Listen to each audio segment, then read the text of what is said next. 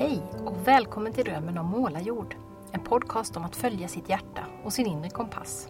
Om att komma till sin rätt som människa och om att förverkliga drömmar. Jag heter Maria Estling Wannestål och i podden möter jag personer som brinner för olika saker. Som vågar lyssna inåt och känna efter vad som är viktigt för dem. Jag inspireras av deras berättelser och tankar och det hoppas jag att du också ska göra. Idag är det dags för poddens 76 avsnitt och med det premiär för någonting alldeles nytt i det här sammanhanget. Det som jag har valt att kalla Poddklanen reflekterar. Jag har bjudit in två av mina kloka vänner, Lisa Moreus och Sara Norby Wallin, att tillsammans med mig resonera utifrån ett par frågor som jag har fått in av mina lyssnare. Det handlar dels ganska allmänt om när det inte går så där lätt att följa sin inre kompass. Dels lite mer specifikt om när det inte går så lätt att vara egen företagare. Eftersom det blev ett rekordlångt samtal ska jag inte orda mer om det nu, utan vi kör igång helt enkelt. Och om du hör några konstiga ljud under samtalet så beror det på poddhunden Chutney. Varmt välkommen att lyssna.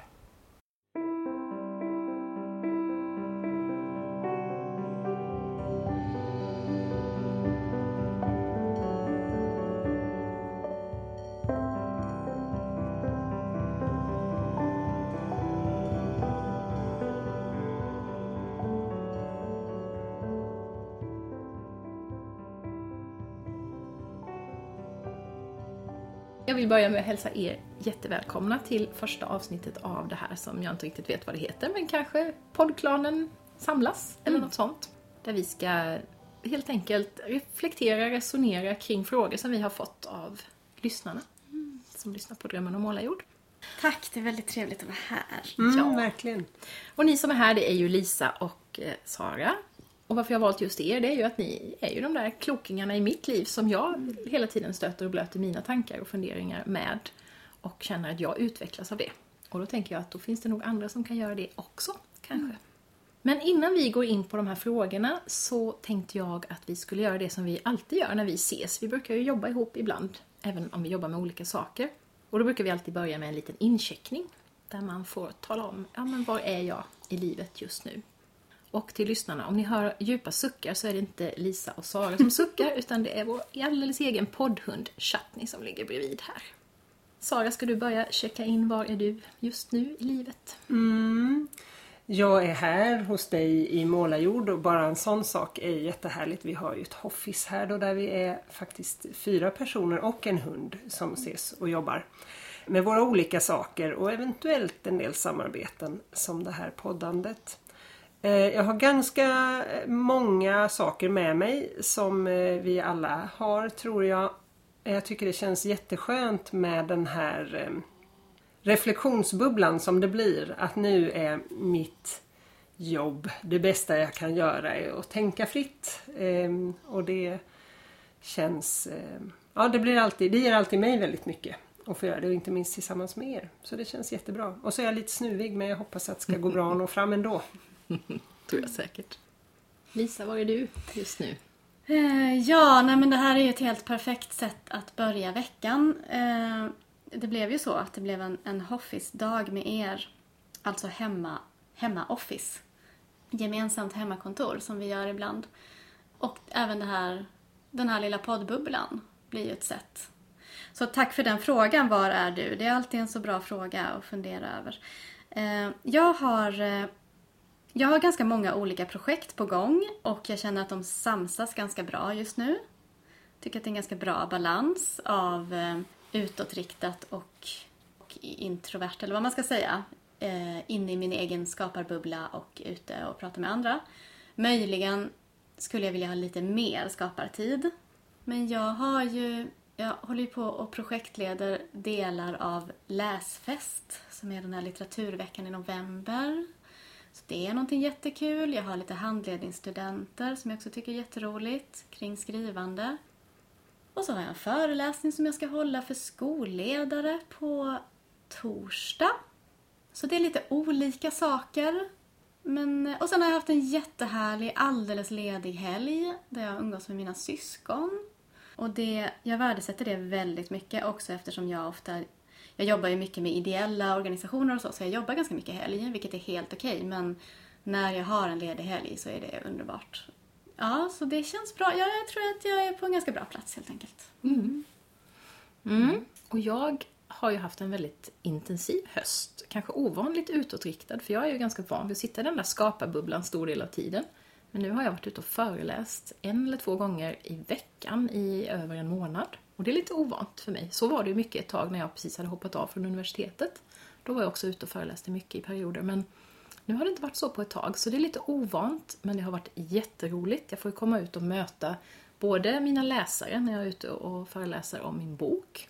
Och sen har jag faktiskt också hållit mina första föredrag om det här med att mm, följa sin kompass. Och det är ju precis det som podden handlar om. Så det är ju det jag brinner för allra, allra mest. Och det är jättekul. Jag har fått jättefin respons på det. Eh, Så att jag har ett par veckor till nu med sådana saker. Jag ska till Alingsås på onsdag och jag ska hålla en så kallad Pecha Kucha i nästa vecka. Där man pratar jättefort. Nej, det behöver man inte göra. Men man, man pratar kort eh, om ett antal bilder och det går ganska fort. Jag tror att det blir liksom ett ganska högt tempo. Och det passar ju mig för jag pratar ju fort. Alltid.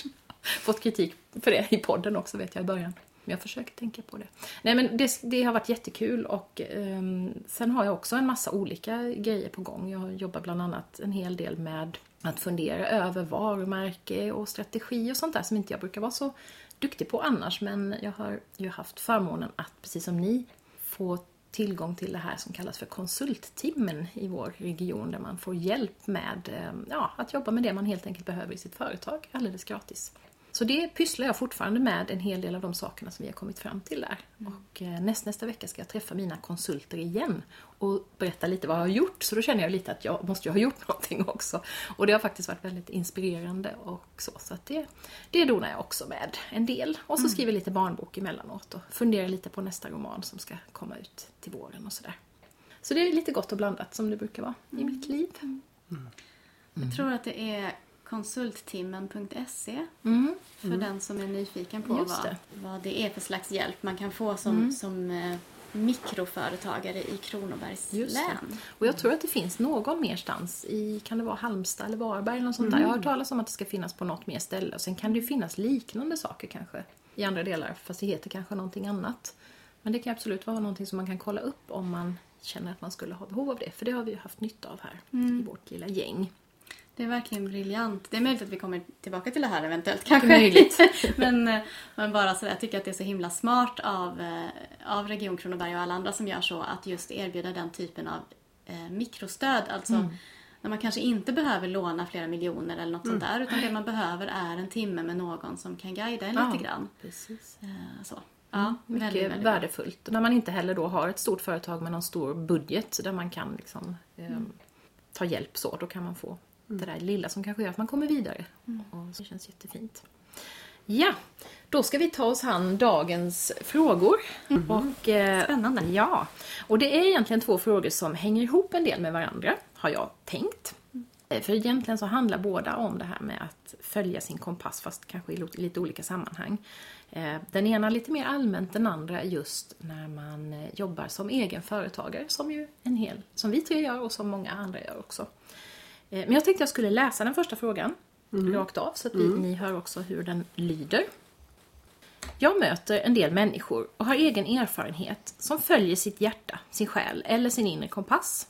Men som ändå inte får den där lättheten, flowet eller pengarna som kommer till det man behöver. Att följa det inre kan ibland vara en snårig väg där vi ska förbi vissa stationer. Jag upplever att bilden av att om man följer sitt hjärta så går allt lätt är snäv. Den rymmer inte verkligheten för de flesta.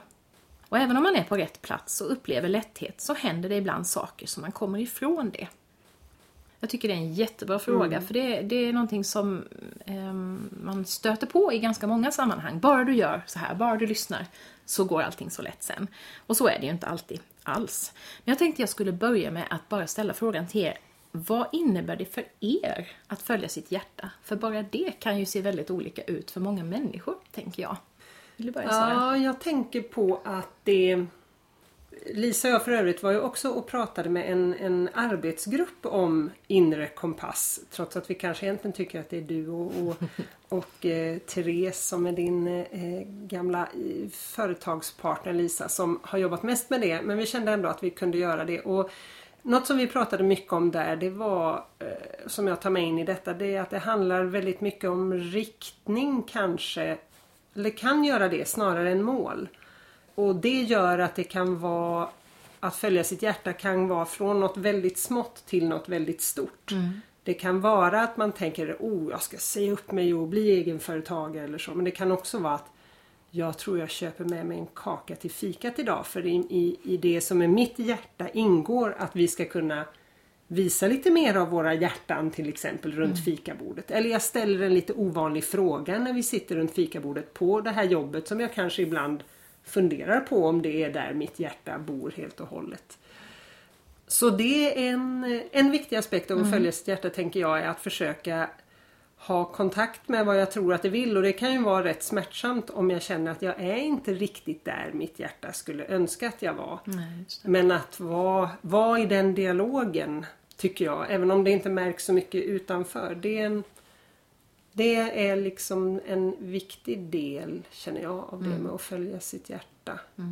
Ja, följa kan ju betyda två saker. Antingen att göra precis vad hjärtat säger till den. Att följa något kan ju också vara att kolla vad tycker hjärtat just nu.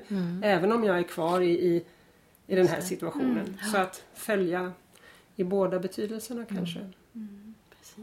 Just det. Vad tänker du Lisa? Ja, jag tänker, eh, jag tänker... Jag tänkte också på det. Det var också det första jag tänkte, just det här att, att, det, att det kan vara i stunden. Alltså, vad är rätt för mig just nu?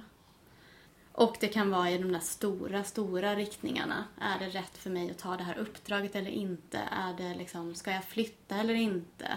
Eh, Ja, ska jag börja en relation med den här personen eller inte? Alltså sådana där riktigt stora grejer.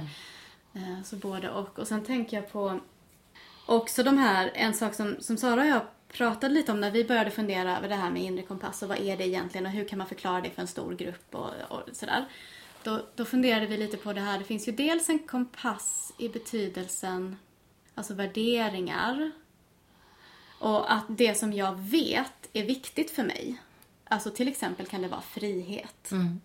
Eh, och att då fundera på vad betyder frihet för mig? Vad betyder det för mig i den här situationen? Och det blir ju ofta ett ganska eh, verbalt, alltså att liksom, man kan sätta ord på det. Det handlar om en sorts analys egentligen av olika saker. Och liksom, om jag gör det här, kommer det att ta mig, kommer det att ge mig mer frihet eller kommer det att begränsa mig? Alltså min, min definition av frihet då. Eh, och att, att, att välja att, att tillåta sig att när man funderar över saker att låta det som jag tycker är viktigt väga tungt. Det är en aspekt för mig för att, att, att följa sitt hjärta. Att, sen betyder inte det att det alltid väger tyngst. För det kan finnas andra saker som jag också väger in. Men, men bara det att väga in det. Men vad, vad tycker jag här? Vad är viktigt för mig? Så det är en sak. En, en annan sak är det här att lyssna på kroppen. Och, eller det som vi ibland kallar för intuition eller så, att lyssna till sitt hjärta på det sättet. Att, och det handlar om, tänker jag, för mig handlar det väldigt mycket om att när jag, när jag känner så här, nej men det är någonting som skaver i mig just nu. Att då ta sig tid och stanna upp och lyssna på, vad är det? Och också sånt där där jag liksom känner, jag menar jag kan komma på mig själv och gå omkring och le. Och känna mig så här bubbelglad. Och att också stanna upp och säga, vad är det i den här situationen som gör det? Eller liksom, och inte, det är inte alltid den frågan som behövs. Det vill säga, det är inte alltid så att direkt gå till analys, vad är det som gör? Utan ibland kan du bara stanna upp och notera, hmm, det är en positiv känsla här. Eller tvärtom, okej nu är det, nu är jag fruktansvärt uttråkad. Jaha, Vad säger den till mig? vad säger den till mig? Hur guidar den mig liksom genom? Ja. Och då handlar det mycket för mig, att lyssna på sitt hjärta handlar också om att sakta ner för mig. Att ge sig själv tid att, att lyssna. Och det, jag tycker den här frågan som är ställd, den är så himla bra. För det betyder inte, i alla fall i mitt liv betyder det definitivt inte att allt blir lätt. Nej. Det kan vara mycket lättare att bara säga nej, jag följer det som normen säger. Eller något. Just det. Det kan snarare komplicera saker rätt mycket att lyssna på sitt hjärta skulle jag säga. Absolut. Ja, Nej, men det håller jag med om också. Och det är ju, jag har ju en liten husgud emellanåt, Kajsa Ingmarsson, som har pratat och skrivit mycket om just det där. Ehm, att å ena sidan, ja, det kan bli lättare på vissa sätt därför att man får mer kontakt med sitt inre på något vis. Man, man lär sig, för det här med intuition till exempel, det är ju någonting man kan träna upp faktiskt. Det är ingenting som vi föds med eller inte föds med, utan det är ju någonting vi blir bättre på när vi övar. Men också att det händer saker när man börjar göra på det här sättet. När man lyssnar mer så ställs man också inför fler utmaningar till exempel. Och man hamnar i fler sådana här situationer kanske där man verkligen måste fundera på, är detta rätt för mig? Så det är inte alls på något sätt att allting bara flyter på och blir superenkelt. Och det, det tycker jag är jättebra att vi nyanserar den bilden. För jag kan bli- också bli ganska störd på att, att det låter lite som att ja men har du bara kommit på det här då glider du vidare i livet på någon slags räkmacka. För då vet du alltid vad, hur du ska göra och sådär. Men, och just det här med att exempelvis att gå emot normer och förväntningar. Det kan ju vara jättebesvärligt. Man kan bli väldigt ifrågasatt. Man kan göra människor besvikna. Det ska man ju vara medveten om att när man börjar liksom lyssna på vad jag verkligen vill, ja då är inte alltid det samma som omgivningen tycker att man ska göra. Så det tror jag är viktigt att ha med sig. att eh, För för mig handlar det väldigt mycket om att vara sann mot mig själv på något sätt. Att kunna känna att det jag gör, det är det jag står för, det är det som är viktigt. Jag lyssnar mer på det än på vad jag då har kanske lärt mig att jag ska, hur jag ska tänka till exempel. Men som det när jag, på tal om det här med stort och smått. Jag har ju gjort båda delarna. Jag har ju hoppat av en karriär där normen hade varit att fortsätta. Jag pratade just med någon om det här om dagen att ja, vad hade hänt nu då? Om jag hade stannat kvar där, ja då hade jag nog varit professor idag. Jag hade handlett eh, doktorander och haft ett helt annat liv. Men jag kände inte att det var för mig och då hoppade jag av. Men sen kan det också vara det där lilla, eh, just ja, men köpa en kaka med sig till fikat för att det känns viktigt. Eller att när jag står i affären och väljer mellan två varor, vilken väljer jag nu? Vilket känns rätt för mig att välja. Eller att tacka nej till att gå på en fest som jag känner att jag inte... Så det, det är ju verkligen det där, allt ifrån de små besluten till de stora. Det jag tänker på ligger lite i den här frågan också tycker jag eh, är att det eh, Särskilt i kombination med den andra, de kommer ju vad jag förstår från olika håll men det här som handlar om, om eh, småföretagare och så. Att det har ju blivit en norm det också. Det finns en schablonbild där vi ju faktiskt alla tre på något sätt stämmer in. För det är inte sällan kvinnor som i alla fall anger som ett argument till att de har blivit företagare. Liksom anger det här med någon slags inre drivkraft snarare än att jag ville ta hela världen med storm och tjäna 58 miljoner. Liksom. Men att det är en, det är en, en schablonbild eller en norm det också. Att lyssna på sitt hjärta. Hur många sökningar skulle man få om man kombinerade liksom lyssna på sitt hjärta, hoppa av karriär, företagare och sen ska det gärna komma också då framgångsrik bla bla bla. Precis, Liksom. Och där blir det ju också en, en, en norm att förhålla Absolut. sig till som kan lura en att tro Just att det är det. nog det här. Det, det blir ytterligare, det, förut de som gjorde detta först och särskilt använde den argumentationen för dem var det ju motsträvigt och de blev mer ifrågasatta. Nu när vi träffar nya människor kanske vi blir ibland insorterade i att Jaha ja, ja men det är en sån tjoff. För det börjar finnas, det finns ett sånt spår nu. Men då blir det också ett spår som man kan riskera att halka in i Fast det inte är det som ditt hjärta säger. Ditt hjärta säger kanske att jag vill vara en statstjänsteman tills jag pensionerar mig. Jag vill vara här, sprida värme, använda min kompetens, skapa kontinuitet och allt det där.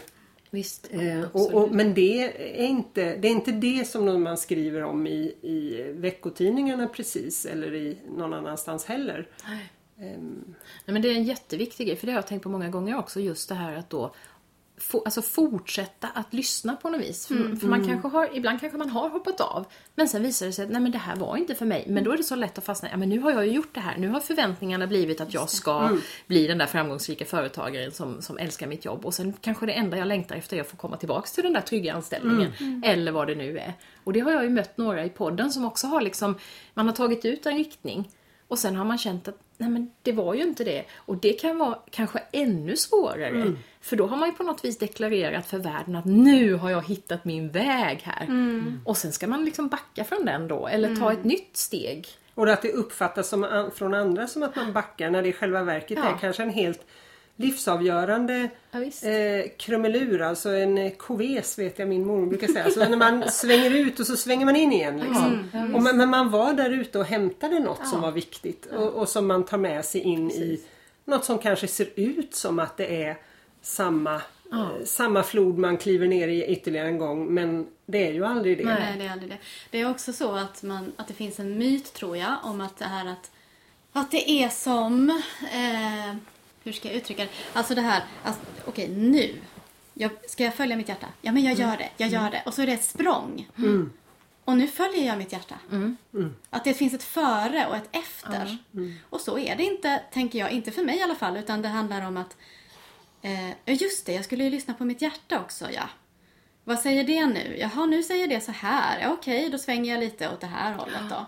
Och sen glömmer jag bort det igen. Och sen kommer jag tillbaka igen så här, vänta nu, nu skaver det eller igen. Så här. Och så tar man ett nytt litet steg åt rätt håll. Och så är det, så att det handlar om, det handlar mer om att välja, välja igen och igen och igen och igen. Eh, och det finns, du är liksom aldrig klar. Nej.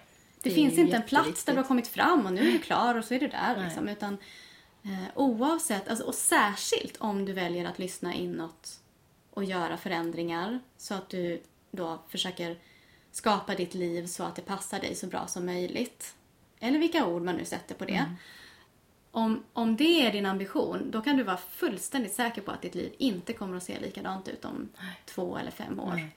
Därför att det är en ständig förändring då.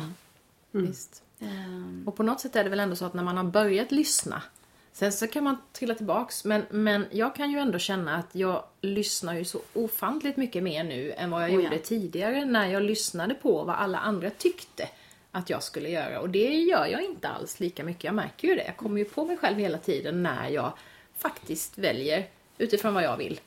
Men sen precis som du säger, det är en färskvara som med allt annat. Om man trillar ner i dikeskanten emellanåt, det gör man ju i livet hela tiden. Sånt som man tyckte att, ja men fasen det här kunde jag väl nu. Och så tycker man att man är gammal och klok och sen så trillar man dit och gör samma sak igen. Det, Ja. det tror jag ingår bara i livet på Verkligen. något sätt. Men däremot tror jag att man kan bli, jag tror att man kan stärka den där och kanske bara stärka idén om att jag måste stanna upp då och då.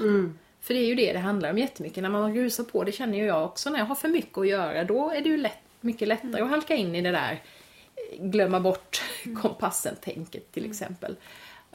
Så tänker jag också att det, det finns ju det där eh, det här att det är roligare att gråta i en Mercedes än, än i en, en, en ett dike eller något. Och det kan det ju vara. Men, men det är lite samma här på ett sätt tycker jag. att Det, det är ju fortfarande tröskelgrejer man måste igenom. Det är upp, arbetsuppgifter som är tråkiga, det är motgångar och så som den här frågeställaren tar upp. Eh, och det eh, kan ju bli lite så att man känner att ja men vad sjutton, nu har jag ju valt rätt, ska det inte bli lätt då? Eh, Samtidigt kan man också tänka att det blir ändå lättare att göra det trökiga och stå ut med det om man känner ja det här är jobbigt men jag känner i alla fall att jag är på rätt väg till 75% eller det är en del av min väg åt rätt håll.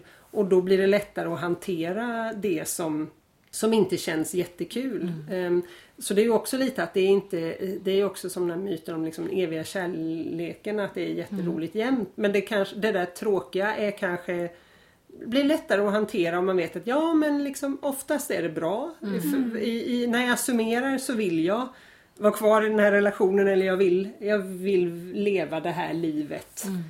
Eh, yrkesmässigt eller vad det nu är. Mm. För det, det skapar, kan i bästa fall skapa lite mer marginal tycker jag. Mm. Och jag tänker också på det här som, vi gick ju en utbildning i ACT du och jag, och det här med att det som man kallar för det observerande jaget. Det tycker jag är en del i att följa den här kompassen eller vad det nu är för någonting. Det här att man då och då kan ställa sig liksom lite vid sidan av och betrakta det där livet då. Ja okej, ja men det är liksom, men jag är ändå på väg. Eller ja, att man inte hela tiden liksom är mitt i det utan att man också kan ta steget tillbaks och se och fundera på hur var det innan, hur ser det ut nu? Det, jag blir alltid glad när jag kommer på sådana där saker. Att, mm, här gör jag annorlunda än vad jag skulle ha gjort för fem eller tio år sedan till exempel. Varje sån där grej tycker jag, när man liksom kan ställa sig vid sidan om och betrakta livet nu, livet tidigare, vägen dit och så. Det stärker i alla fall mig i hur... Då blir det lättare att sen ta fler Ja. sådana beslut till exempel som påverkar? Jag tänker att det här med att lyssna på vad du själv vill. Det finns ju många ord för det här. Inre kompass eller lyssna på ditt hjärta eller din intuition eller ja, följa din egen väg, följa din lust. Det är som att få ytterligare en jätteviktig informationskälla. Som är liksom, och det är en informationskälla som är, ja, som, som jag i alla fall tycker för mig är den mycket viktigare än alla de andra informationskällorna. typ just det. liksom samhällets normer eller eh, ja, allt. Men det är liksom inte mer än så. Alltså, eh, ibland tycker jag, och det tycker jag hörs i den här frågeställningen också, alltså just det här att det finns en sorts myt om att, om att om du bara kopplar in och bara följer den där rösten så kommer allt att gå bra. Att det är som en gudomlig, alltså det är lite som en, eh, det är som att det skulle vara magi. Att liksom om jag bara börjar lyssna på mitt hjärta så kommer jag att tjäna jättemycket pengar helt plötsligt och jag kommer liksom sådär.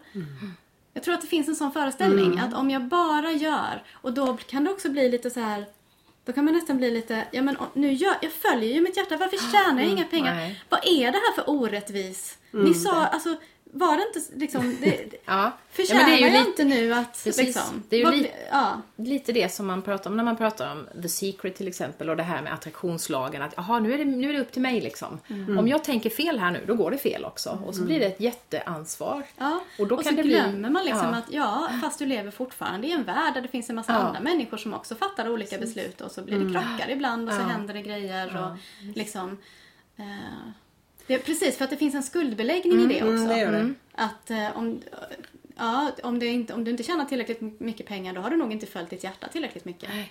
Just Och det är ju bara en sak. Mm. Man måste fortfarande, om det nu handlar om företagande, så måste man fortfarande lära sig driva företag. Mm.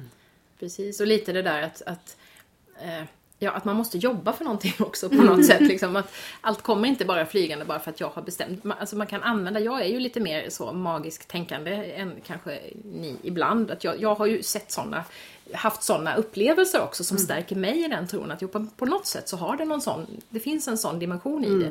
Men jag tror inte att det är någonting som, det, det gör inte allt liksom. Jag måste ju också, jag kan hjälpa till genom att visualisera och, och använda den typen av kanske lite flummigare verktyg men jag kan ju inte bara visualisera fram det, jag måste ju jobba för det också. Liksom. Och det är den kombon att på något vis ställa in mig på den frekvensen, eller vad man ska kalla, eh, som, som gör det, jag menar att jag känner att jag gör rätt. Då gör jag ju mer, i bästa fall, mer rätt också. Det vill säga jag kombinerar arbetet mot ett mål eller en vision eller en riktning med, ja, till exempel tilliten till att det här kommer. Jag använder ju mycket det som ett verktyg, att, att våga tro på att det här faktiskt kan hända.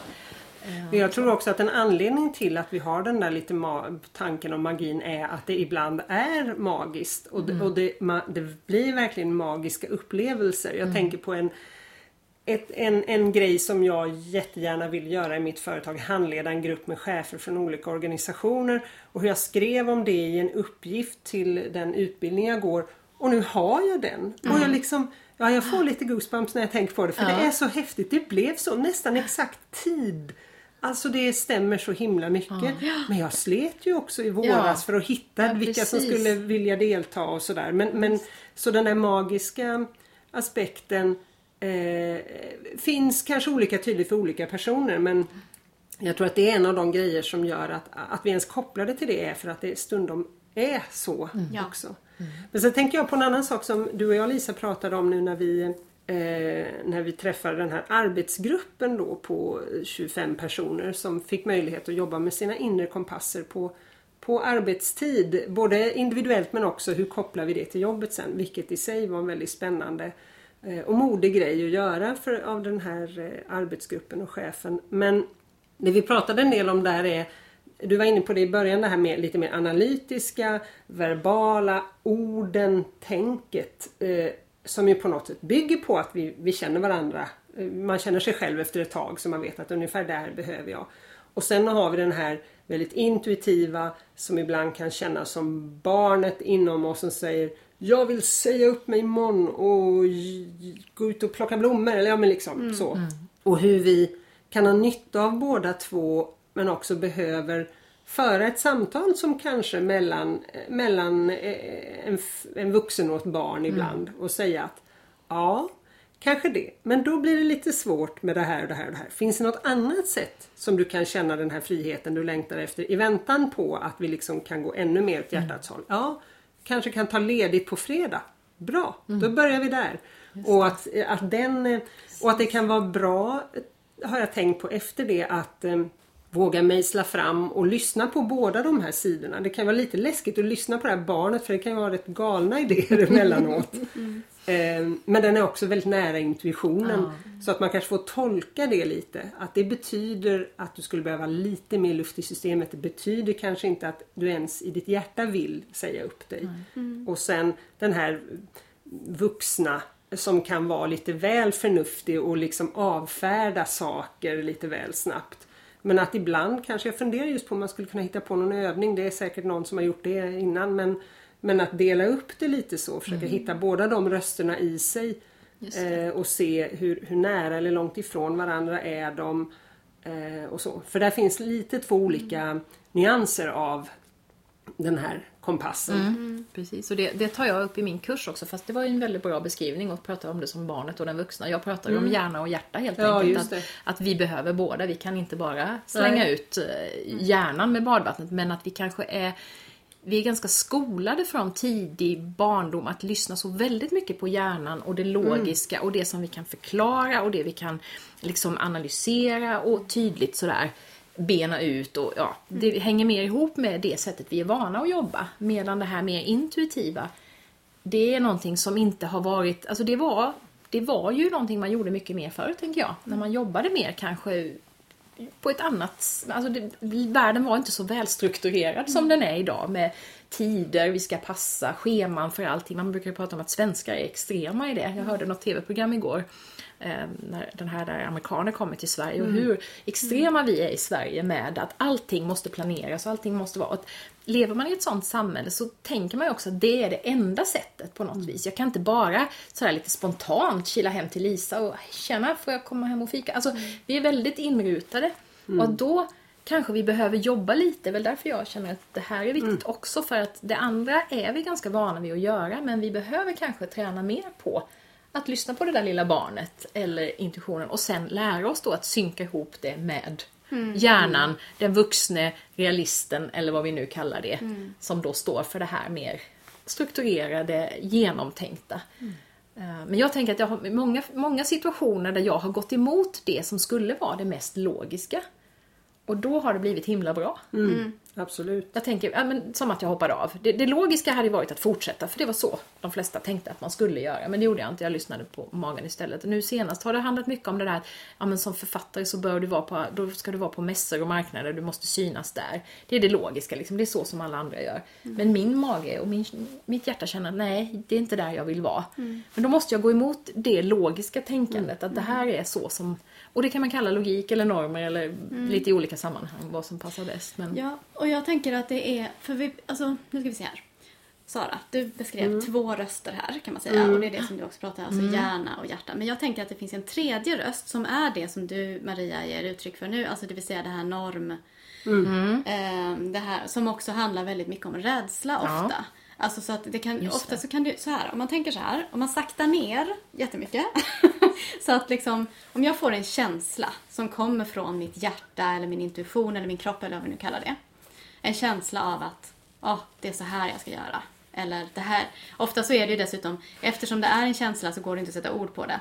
Ofta är det ju bara nej, eller ja, eller något. Så. Och sen omedelbart efter så kommer resonemanget. Ja, fast å ena sidan och å andra sidan och andra brukar göra så här och i den där boken du läste igår var det ju så här och bla bla bla bla bla. Och det resonemanget, det är inte heller din inre kompass Nej. tänker jag. Utan det är det här yt- det är samhället, det är liksom det som är... Och det är ganska mycket är det ju... Alltså det kan kännas... Det kan komma först en känsla i kroppen som är Ja, jag vill kasta mig ut här. Och sen så kommer det här Ja, fast vad händer då? Eh, hjälp, liksom. Och sen så kommer det en massa resonemang som handlar om varför du inte ska ta det här språnget. Så, så de, de två och sen den tredje som är den här, ja fast om jag lyssnar på vad jag vet är bra för mig Eh, och vad jag vet om mig själv. Ja men jag gillar ju det här och det här. Ja, men då så att det finns liksom två som båda är hjärna kan man säga. Eller båda är logik liksom. Men det, ena är en del av din inre kompass. Och det andra är samhällskompassen eller något som... Och som man ibland måste förhålla sig till. Ja, Och i många sammanhang måste göra det. Men ibland kanske man kan tänja på den mer än man tror att man kan. För att det handlar mycket om verkligen. rädsla att bryta Precis. ett mönster som man har med sig kanske sen. Nej, men jag håller med dig Lisa, det var intressant. För det, där är någonting med att den där vuxna som kanske inte är föräldern, för föräldern är ofta lite väl snabb på det där eh, med Exakt. och det blir jobbigt för mig och ska vi ha pannkakssmet över hela köket. Ja, men, så. men den här välvilliga vuxna, kanske eh, mor eller farföräldern eller någon som liksom säger ja men visst kan vi ha picknick på vardagsrumsgolvet. Eller, så, eller som liksom utgår från att den här grundsignalen från barnet, den ska vi ta vara på. Och sen är bara frågan, hur kan vi översätta den till något som funkar här och nu? Jag tänker att det eller jag brukar tänka på den rösten som mitt framtida jag ibland. Det är liksom, det är, det är min innersta röst. Fast snäppet klokare än vad jag är än. just Just det. liksom. Eh, jo, men jag tänker, för jag tänker också så här att det finns en sorts... eh, alltså det är så svårt att sätta ord på det här. Men om vi kommer tillbaka till det här med magi. Jag tror ju också väldigt, väldigt mycket på det. Alltså så. Eh, det, är det, här med, det är det här med yttre och inre magi också. För att komplicera det ytterligare. Men om man, om, man, okej, om man tänker så här att det finns det finns en bild av att åh, vi, ska bara, vi ska vara så spontana och följa vår inre röst och, och så. Och så kan det kännas som att om jag kopplar in till det, då måste jag göra det som den rösten säger. Då blir jag en slav under den. Ja, visst. Eh, och det, jag tror att det är därför också, det är det som gör, det är den myten som gör att, att många är så rädda för att börja lyssna. Att man tänker att nej men tänk om, jag, tänk om jag börjar gå i terapi eller tänk om jag går och träffar en coach eller tänk om jag bara visualiserar lite grann. Då kanske den säger att jag måste säga upp mig och ge alla mina pengar till välgörande ändamål och leva på, på liksom, eh, bark. Det, tänk om den säger det. Det vill jag ju inte höra, för då måste jag göra det. Och så glömmer man det att nej men det är inte så det funkar. Det är massa små, små, små nyanser och det handlar om liksom, det handlar mer om att eh, kompass, alltså om du ska resa någonstans då är ju kompassen en sak du behöver. Men du- det är inte allt. Nej. Du behöver kompassen för att du tar ut riktningen och det i sig är magiskt. Att veta vart du är på väg är magiskt. Men det är inte magiskt på det sättet. Det är för det första inte tvingande magiskt. Det är inte så att det betyder att du måste gå dit. Och det är för andra inte så heller att om du bara följer det här så blir allting bra. Nej. Den magin finns inte heller utan du kan hitta din inre kompass. Den kommer att göra vissa saker lättare. Den kommer att göra det troligare att du, att du når dina drömmars mål. Liksom. Vilket ju är fantastiskt, att du rör dig i rätt riktning. Men du måste fortfarande ta de där stegen. Du måste fortfarande lyfta ena foten framför den andra liksom, för att komma åt rätt håll på något sätt. Och var det inte någon i den här gruppen vi träffade nu som sa det att ja, jo men jag kanske ska norrut men så ligger järnvägsstationen åt andra hållet. Ja, det var en sån bra bild. Ja, och då, just det. då Då är det kanske, ju- om jag inte vill gå dit så kanske det är att jag ska gå åt helt fel håll eh, 500 meter för att komma till järnvägsstationen. Det kan jag verkligen relatera till, eh, måste jag säga. Verkligen. Och så måste jag till vägen om Pressbyrån. Ja, ja, precis. Som jag ska ha med mig som färgkost på. Precis. Ja, Ja. Eh, jag, jag funderade också på, för jag har ju poddintervjuat många som jag uppfattar liksom är ganska bra på det här med att följa sin kompass. Men där ser man ju också ett väldigt stort spektrum. Det kanske, jag vet inte om man som lyssnare kanske man tänker att alla är sådana framgångssagor, men det tycker nog inte jag heller, utan alltså en del har varit jätteduktiga på det här från början, eller duktiga, jag gillar inte det ordet egentligen, men de har gått sin egen väg liksom från tidig barndom. De har väl fått med sig någonting som har gjort att de, ja, men de har varit lite Pippi Långstrump, liksom. de, har, de har gjort sitt. Medan andra har haft ganska slingriga, snåriga resor längs vägen. Så det tror jag, det, det Alltså tittar man på helheten i podden så har vi nog representanter för i princip alla olika sätt att följa sin kompass. Det finns ju de som har varit med om en livskris som har gjort att nu har de insett att nej men nu måste jag faktiskt börja lyssna för nu kan jag inte fortsätta så här längre. Man har gått i väggen, eller man har blivit uppsagd eller något sånt, där, någon har dött, alltså något stort dramatiskt har hänt. Så det kan ju vara ett sätt att man kanske inser att man behöver lyssna mer. Men sen har vi också de där som ja, men lite undan för undan liksom har upptäckt och eh, så att det, det finns ju inte ett sätt Det är det som jag tycker att den här bilden som man kanske får då av ja, men veckotidningsrubriker eller de här, många av de här självhjälpsböckerna. Liksom att det finns ett spår och så gör man. Och gör man det då är det automatiskt succé. För jag har ju också träffat dem som, ja, men, som har då, ja, men man har hoppat av någonting till exempel. Och nu ska jag göra det här. Och sen har det visat sig, nej det var ju inte det. Och så får man byta riktning igen. Det är ju en grej det här att man får liksom kanske justera om den här riktningen ganska ordentligt flera gånger i livet. Eller man har gjort det och man känner att man mår jättebra i sitt val. Men man har tufft att få ihop det till exempel ekonomiskt. Det har jag ju haft flera gäster som har berättat om hur Ja men visst, det kan låta, det kan låta som att allting går jättesmidigt och jättebra men så är det inte. Vi kämpar liksom för att, jag tänkte på Pia och Dennis Kammerborn till exempel som var väldigt uppriktiga i det att ja men det här är inte lätt att leva på men vi kan inte gå tillbaka till ett annat liv. Vi har ändå valt. Och det tänker jag ju ofta också att jag gör att jag har valt ett liv där jag är medveten om att det finns en massa fördelar som jag liksom har sagt nej till. Ekonomisk trygghet till exempel. Eller eh, status att ha ett jobb. Alltså det finns ju försakelser i detta också. Och det ska man ju också vara medveten om, även om man inte behöver göra någonting så drastiskt som att säga upp sig från jobbet. Men på något vis, när man lyssnar på sig själv så hamnar man ju i det ändå att man gör inte alltid det som någon förväntar sig kanske av en. Och då, då gör man ju också människor besvikna ibland till exempel. Absolut. För jag kände lite först så här att oj, hjälp, är jag med och förstärker den här bilden nu av att allting går så lätt? Och det vill jag verkligen inte göra, men det kan ju lätt bli så kanske. ja.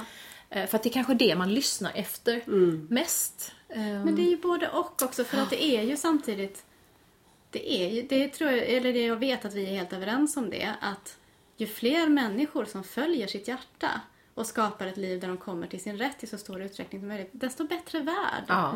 Och eh, liksom både i det, stora och i det lilla. Och vi håller bättre över tid om vi lyssnar på vårt hjärta. Så att det finns ju, alltså för nu låter det som att kanske om, om man lyssnar på oss tre här att oj oj oj det där med att lyssna på sitt hjärta ska jag definitivt inte göra, det är jättejobbigt. Men, men det är verkligen värt det. Ja. Alltså det finns så mycket. Verkligen.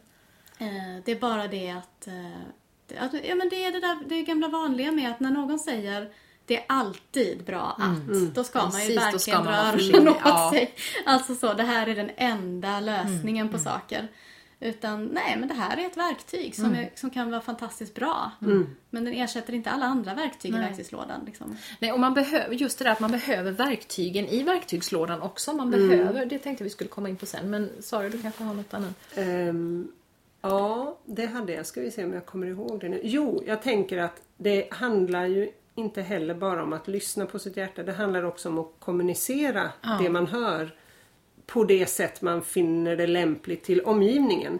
För att det, det för en ju så väldigt mycket framåt. Och det pratade vi också om med den här arbetsgruppen vi träffade. att Tänk om det är så att jag tycker att den här arbetsuppgiften är det tråkigaste som finns på det här jordklotet. Då tänker jag ju lätt att så är det för alla andra också.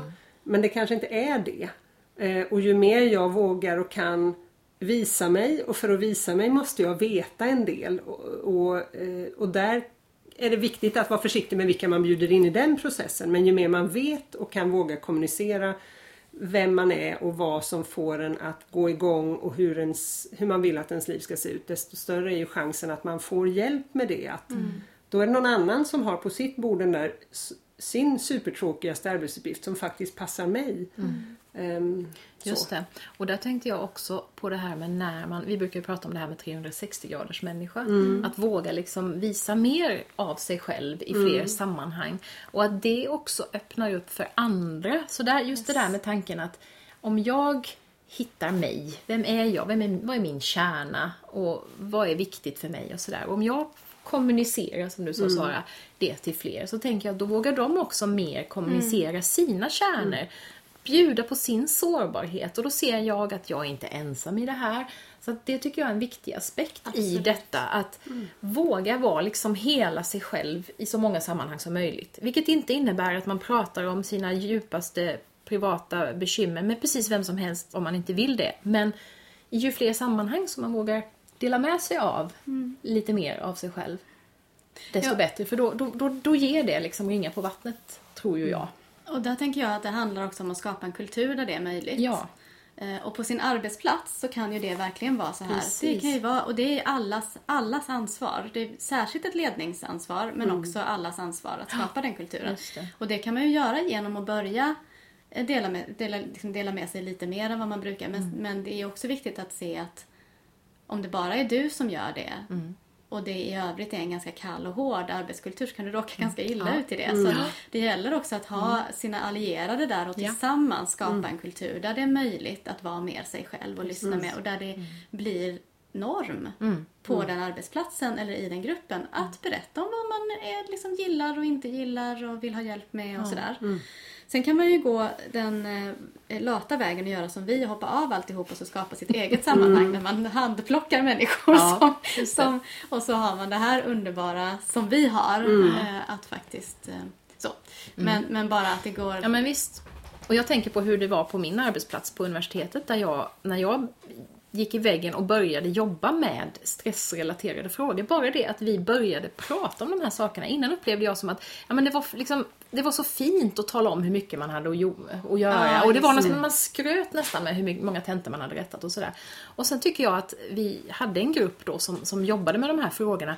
Och det blev istället så att vi liksom sa till varandra, "Nej, men ska du inte gå hem nu? Alltså vi, vi blev liksom varandras ta hand om väktare på något sätt. Därför att det hade blivit okej att tycka att det inte var okej att jobba sådär mycket. Tidigare var det nästan som att det här är mitt kall. Här måste jag minsann göra alla de där timmarna som jag inte får betalt för. Och sen blev det istället att vi fler och fler började ifrågasätta. Och det började nog med mig, för jag vet att jag satt i personalrummet och vågade säga att nej, jag har inte jobbat ett skit den här helgen. Och folk tittade på mig som om jag var någon slags. UFO.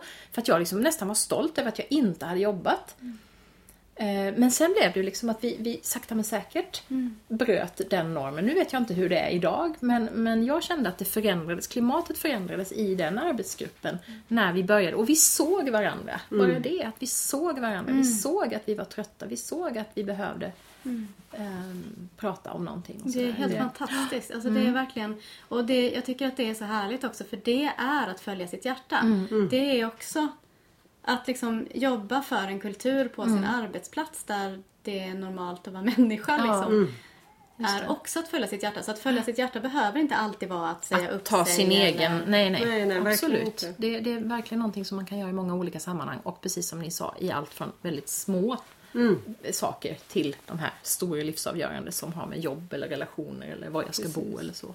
Och har man lite, har man trygga Liksom, nå- någon trygg miljö eh, så kan man också kanske kosta på sig någon annan att man inte får ett supergensvar utan att det man bjuder på där är ja nu tycker de nog att jag är knäpp men då kanske de vågar vara lite vågar lätta lite på grejen för de kan alltid, jag är i alla fall inte lika knäpp som Sara. Säg inte sådana korkade grejer ändå. Eh, och så. Och har man en har man en trygg hemmahamn så kan man ju kanske lite det behöver inte vara att man har misslyckats bara för att man inte får ett Nej. supergensvar Nej, direkt. precis. Snarare är det ganska sällan så. För som i ditt fall när du sa det här om att du inte hade jobbat i helgen. Då att folk hoppade till, det kan ju ha varit lika mycket att de själva känner att Gud det har inte jag heller gjort eh, fast jag har låtsats. Eller Åh, tänk om jag också skulle våga säga det här någon gång. Och så, så att det, Precis. det kan em, ta tid innan man märker om man har sått ett frö eller Ja. inte. Som vi ofta pratar om att så frön. Ja, precis. Och så med den liknelsen då så måste det finnas någon sorts form av jordmån och det gjorde Ja. det uppenbarligen här. Och det är det jag menar att ibland, det finns arbetsplatser där det inte finns. Nej. Där, Nej, där det. det är liksom betonggolv man kastar sina frön på. Och det kan, vara, det kan göra ett ont. Så att, och att det också är okej att skydda sig själv i det. Att Ja. fundera på att liksom känner man Och då, då kan man ju också fundera på okej, är det så att jag faktiskt inte kan visa ens en gnutta av mitt sanna jag här? Ska jag då vara här? Just det. Att våga ställa sig den frågan. Som kan vara en jättesmärtsam fråga. För jag Verkligen. kanske har investerat så mycket i att få vara här. Mm. Men jag tänkte på det när, när ni kom in på det här med frön som gror långsamt och sådär. Just det här med tillit och tålamod som jag har konstaterat är något av det absolut mest centrala i det här arbetet. Just för att alltså, vi lever i en värld där saker ska gå snabbt och man ska få snabba resultat på allting. Och just om man går tillbaks till frågeställningen det här med att det går inte så lätt. Nej, Och det är ju kanske ofta också för att man är otålig. Mm. Man vill se de där resultaten så himla snabbt.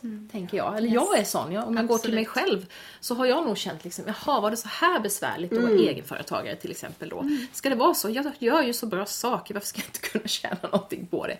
Och jättefrustration i det där att saker och ting går för långsamt. Och sen så samtidigt så har jag ju bestämt mig för att jag måste lita på det här för det här känns så rätt i magen. Då måste jag också kunna ha tillit till. Men, men det tror jag är någonting som alla måste jobba mycket med. Eller de allra flesta i alla fall. Det finns kanske en och annan, ett och annat undantag där det antingen går superlätt från början eller där man liksom inte har något behov av att veta att det går lätt. Jag vet Just inte om man kan acceptera det bara. Att, ja men, ja ja, det fattar jag ju. Men jag tror för de allra flesta är det någonting som man får kämpa med ganska mycket. Alltså jag fick ju ett, eh, jag hade ett samtal med en som jobbar på en kursplattform för e-kurser. Som ju sa till mig, att, eller berättade för mig att de som, de som tjänar pengar på e-kurser det är ofta deras kanske femte kurs som publiceras som faktiskt funkar. Ja. Det var så skönt att höra. För att det var verkligen, för det är så lätt att man så här, ja men jag skapar en e-kurs och så försöker jag sälja den och så går inte det. Nej. Nähä, jag kan inte. Eller liksom, och så kommer hela det där, varför går det inte lätt? Varför? Nej. Det är ju det här jag vill, jag, liksom hela det här. Eh, men att istället se att okej, det var första gången jag testade. Liksom, nu, Då lämnar jag det, Ja. testar en gång till. Eller, liksom, eller jag det. bygger om den. Eller jag alltså det här att Ja. testa trial error-grejen. Liksom. Däremot så finns det ju en lätthet. Jag tänker så här att när jag gör det som kommer naturligt för mig, när jag är i, min, i det som då en del kallar för genizon. Men liksom att jag, när jag är i det, jag gör det som, jag, som kommer naturligt till mig, som, som jag älskar att göra, som jag är naturligt duktig på och sådär. Då, då finns det ju en lätthet i det. Det finns en så här, och flow var ju ett ord i den med frågan också som ställdes. Alltså man kan hitta det där flowet och den där lättheten där det känns som att åh, jag bara gör liksom det som jag... Men om man då om man tar, drar det till företagande så är det så här, ja, du kan ha hur mycket flow du vill i skapandeprocessen men kan du inte sälja Nej. så kommer inte det hjälpa. Nej. För då kommer du sitta där med dina fantastiska skapade saker och så är det Just ingen det. som hittar dem. Så att det finns liksom att man har hittat flowet, ja men det är ju underbart, det är Mm. fantastiskt. Och tänk och, och liksom, kan jag få vara där så mycket som möjligt? Och, kan, och sen är nästa steg att okej, då kanske jag också behöver hitta ett sätt att sälja eller vad det nu är. Mm. Som också ligger så nära som möjligt min genizon, eller liksom det som jag verkligen, verkligen vill göra och, och som jag är bra på som faller naturligt för mig. Det kanske, det kanske aldrig blir riktigt så roligt som det att skapa om man nu är mer skaparmänniska eller så.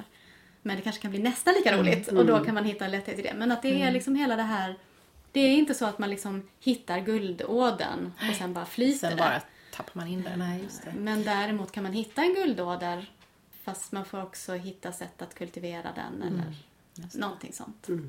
Jag tänkte på det du sa där om det här med kursen också, att, att 50-kursen. Ja, men jag vet, jag lyssnade på något poddavsnitt där någon sa att skådespelare gör i snitt 64 auditions för varje roll de Åh, får. kära. Och det är också något sånt där, man har en bild av att ja men om man väl har, sen så flyter det bara på och flyter på. Så det är ju så inom så många branscher egentligen. Eh, Att man får, man får göra väldigt mycket som liksom inte ger någonting Nej. för att kunna skörda det där. Och det är det man väldigt sällan ser. För vi ser inte vardagslivet bakom rubrikerna, bakom böckerna med Alfred. Alltså det är väldigt mycket fokus på det som faktiskt har gått bra. Och det är väldigt lätt att hamna där och tro att så här, så här lätt har det gått för alla. Och Om man tror det och så får man de här misslyckandena. Ja.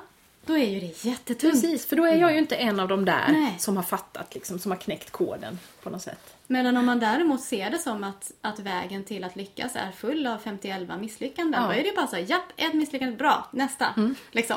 Ja, men det tänker Alltså jag lite mycket på det med, i det också. Inom Ja. eh, eh, hästridning är det ju så då, att man ska ha ramlat av hundra gånger för att vara en fullfjädrad ryttare. Det får man lära sig från man sitter upp första gången. Mm. Och det är väldigt bra för att det blir, liksom, det blir en tradition att ta med sig tårta om man har gjort det då till nästa gång och sådär. Och att det, det ingår i paketet och annars så skulle man ju Annars skulle det aldrig finnas några som håller på med det. Liksom. För det att få, och och det kan, jag kan känna också att det, det känns som någon slags konstig trygghet det där tänker jag. Att, ja men som nu, nu har jag jättemycket att göra i höst. Och då är det lätt att tro, ja nu har jag hittat guldådern, nu kommer det bara att flyta på.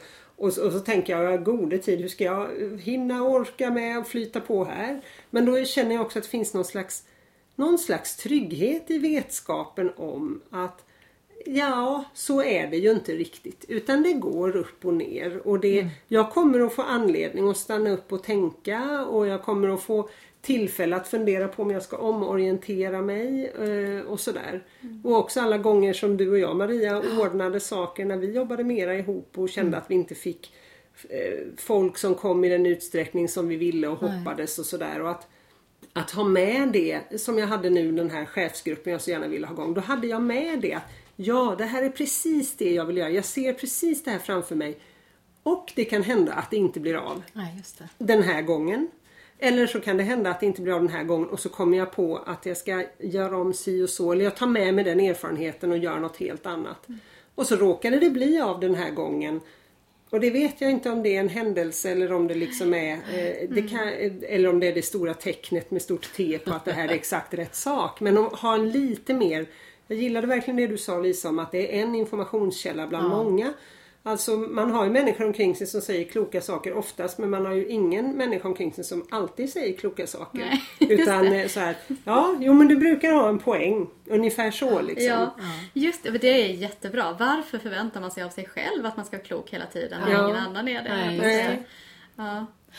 Och tänkte också på det här med eh, att det då inte blir av alltid till exempel. Det kan vara ett exempel på när man tycker att det, jag menar, det kändes ju så rätt. Att ganska många gånger när saker inte har blivit av, som jag trodde nu, så har jag kommit på sen i efterhand att nej men jag var nog inte riktigt redo för det. Eller jag har kommit på att nej, men det blir ju bättre om jag gör så här. Men det tänker man ju inte när man står där och man har misslyckats med vad, vad än det nu är för någonting. Då känns det ju bara som att det här var ju så rätt och så blev det ingenting. Och så blir man jätteledsen och besviken. Och sen när man då, för återigen det här att kunna ställa sig lite vid sidan av och sen analysera. Och det är ju svårt att göra när man är mitt uppe i det stora misslyckandet. Ofta. Ibland kan man vara sådär duktig att man, ja, ja, man ser liksom varför. Men i många fall kan man ju i efterhand se att ja, men det kanske var bra att inte det hände därför att jag kanske hade blivit alldeles för överbelastad med saker. Till exempel om det där hade kickat in som jag hade tänkt mig eller jag kanske har lärt mig, jag har kanske varit på någonting och så har jag lärt mig någonting, ja men det kan jag plocka in, då blir ju den där grejen mycket bättre. Så att gång på gång så märker jag ju att när jag trodde och det tycker jag hänger ihop väldigt mycket med hela det här kompasstänket. Att också kunna ibland liksom släppa taget över hur jag tänker att någonting ska Yes. gå till.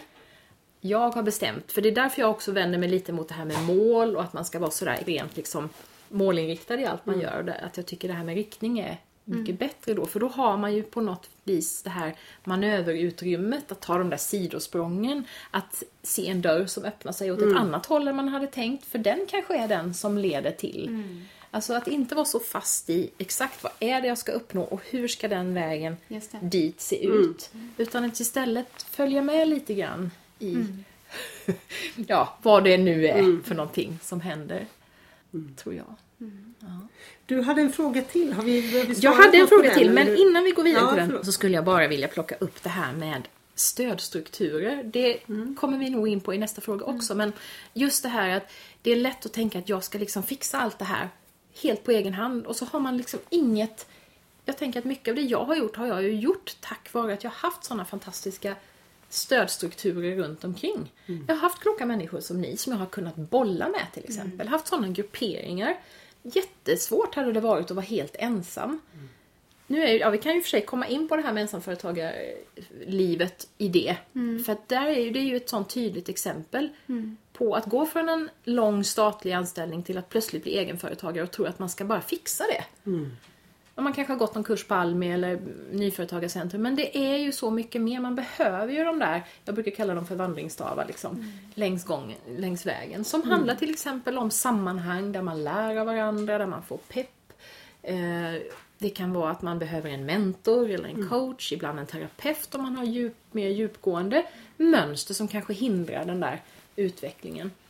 Så det tror jag ju, och det här med att man hittar sina kraftkällor, var, man, var tankar jag energi för att orka de där dagarna när det är tungt till exempel. Och att det är så otroligt centralt i det här, för annars blir det så jättesvårt tror jag. Att våga och orka. Ha den där tilliten, tålamodet, våga lyssna på den där rösten för att man tvivlar. Um, Mm, så det känner jag har varit otroligt eh, värdefullt. Och det är ju inte alltid så lätt att veta hur, hur skapar man de Nej. stödstrukturerna. Nej, och jag tänker att de behöver ju kanske inte alltid vara eh, så ämnesspecifika Nej. nödvändigtvis. Särskilt inte kanske i början av en... Om man tänker att man är på ett visst ställe i livet och kanske har varit där ett tag och så börjar man säga nu, nu ska det nog hända någonting. Då kan det ju vara så att det är eh, ja, åt företagarhållet man ska söka sig. Men det kan ju också vara så att man kan hitta det stödet i andra människor som känner också att ah, nu börjar det liksom, det kryper lite, det händer något, det är något på gång, jag ruvar på något men jag vet inte vad.